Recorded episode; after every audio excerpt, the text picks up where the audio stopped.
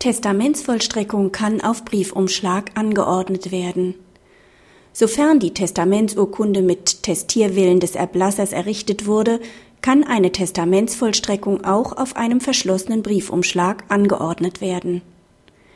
Die Erblasserin wurde aufgrund gesetzlicher Erbfolge von ihrer Schwester sowie zwei Kindern ihrer weiteren, bereits vorverstorbenen Schwester beerbt.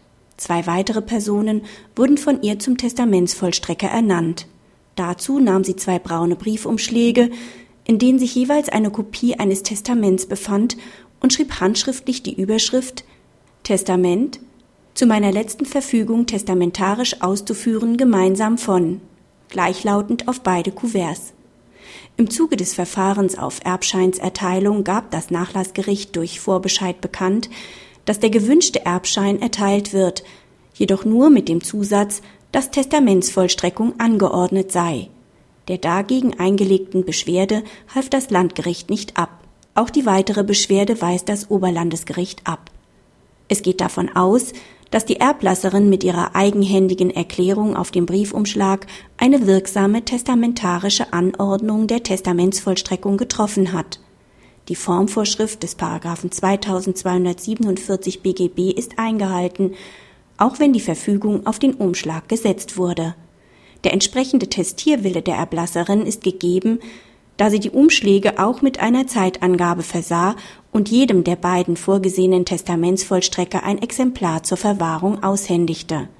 Unabhängig von der Frage, ob gewillkürte oder gesetzliche Erbfolge eintritt, kann die Testamentsvollstreckung auch für lediglich gesetzliche Erbfolge angeordnet werden.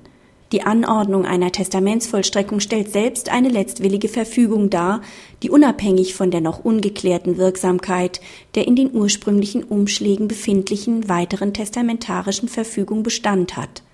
Da die Bestimmung der Testamentsvollstreckung formwirksam und mit Testierwillen erfolgte, ist diese im Erbschein auch auszuweisen.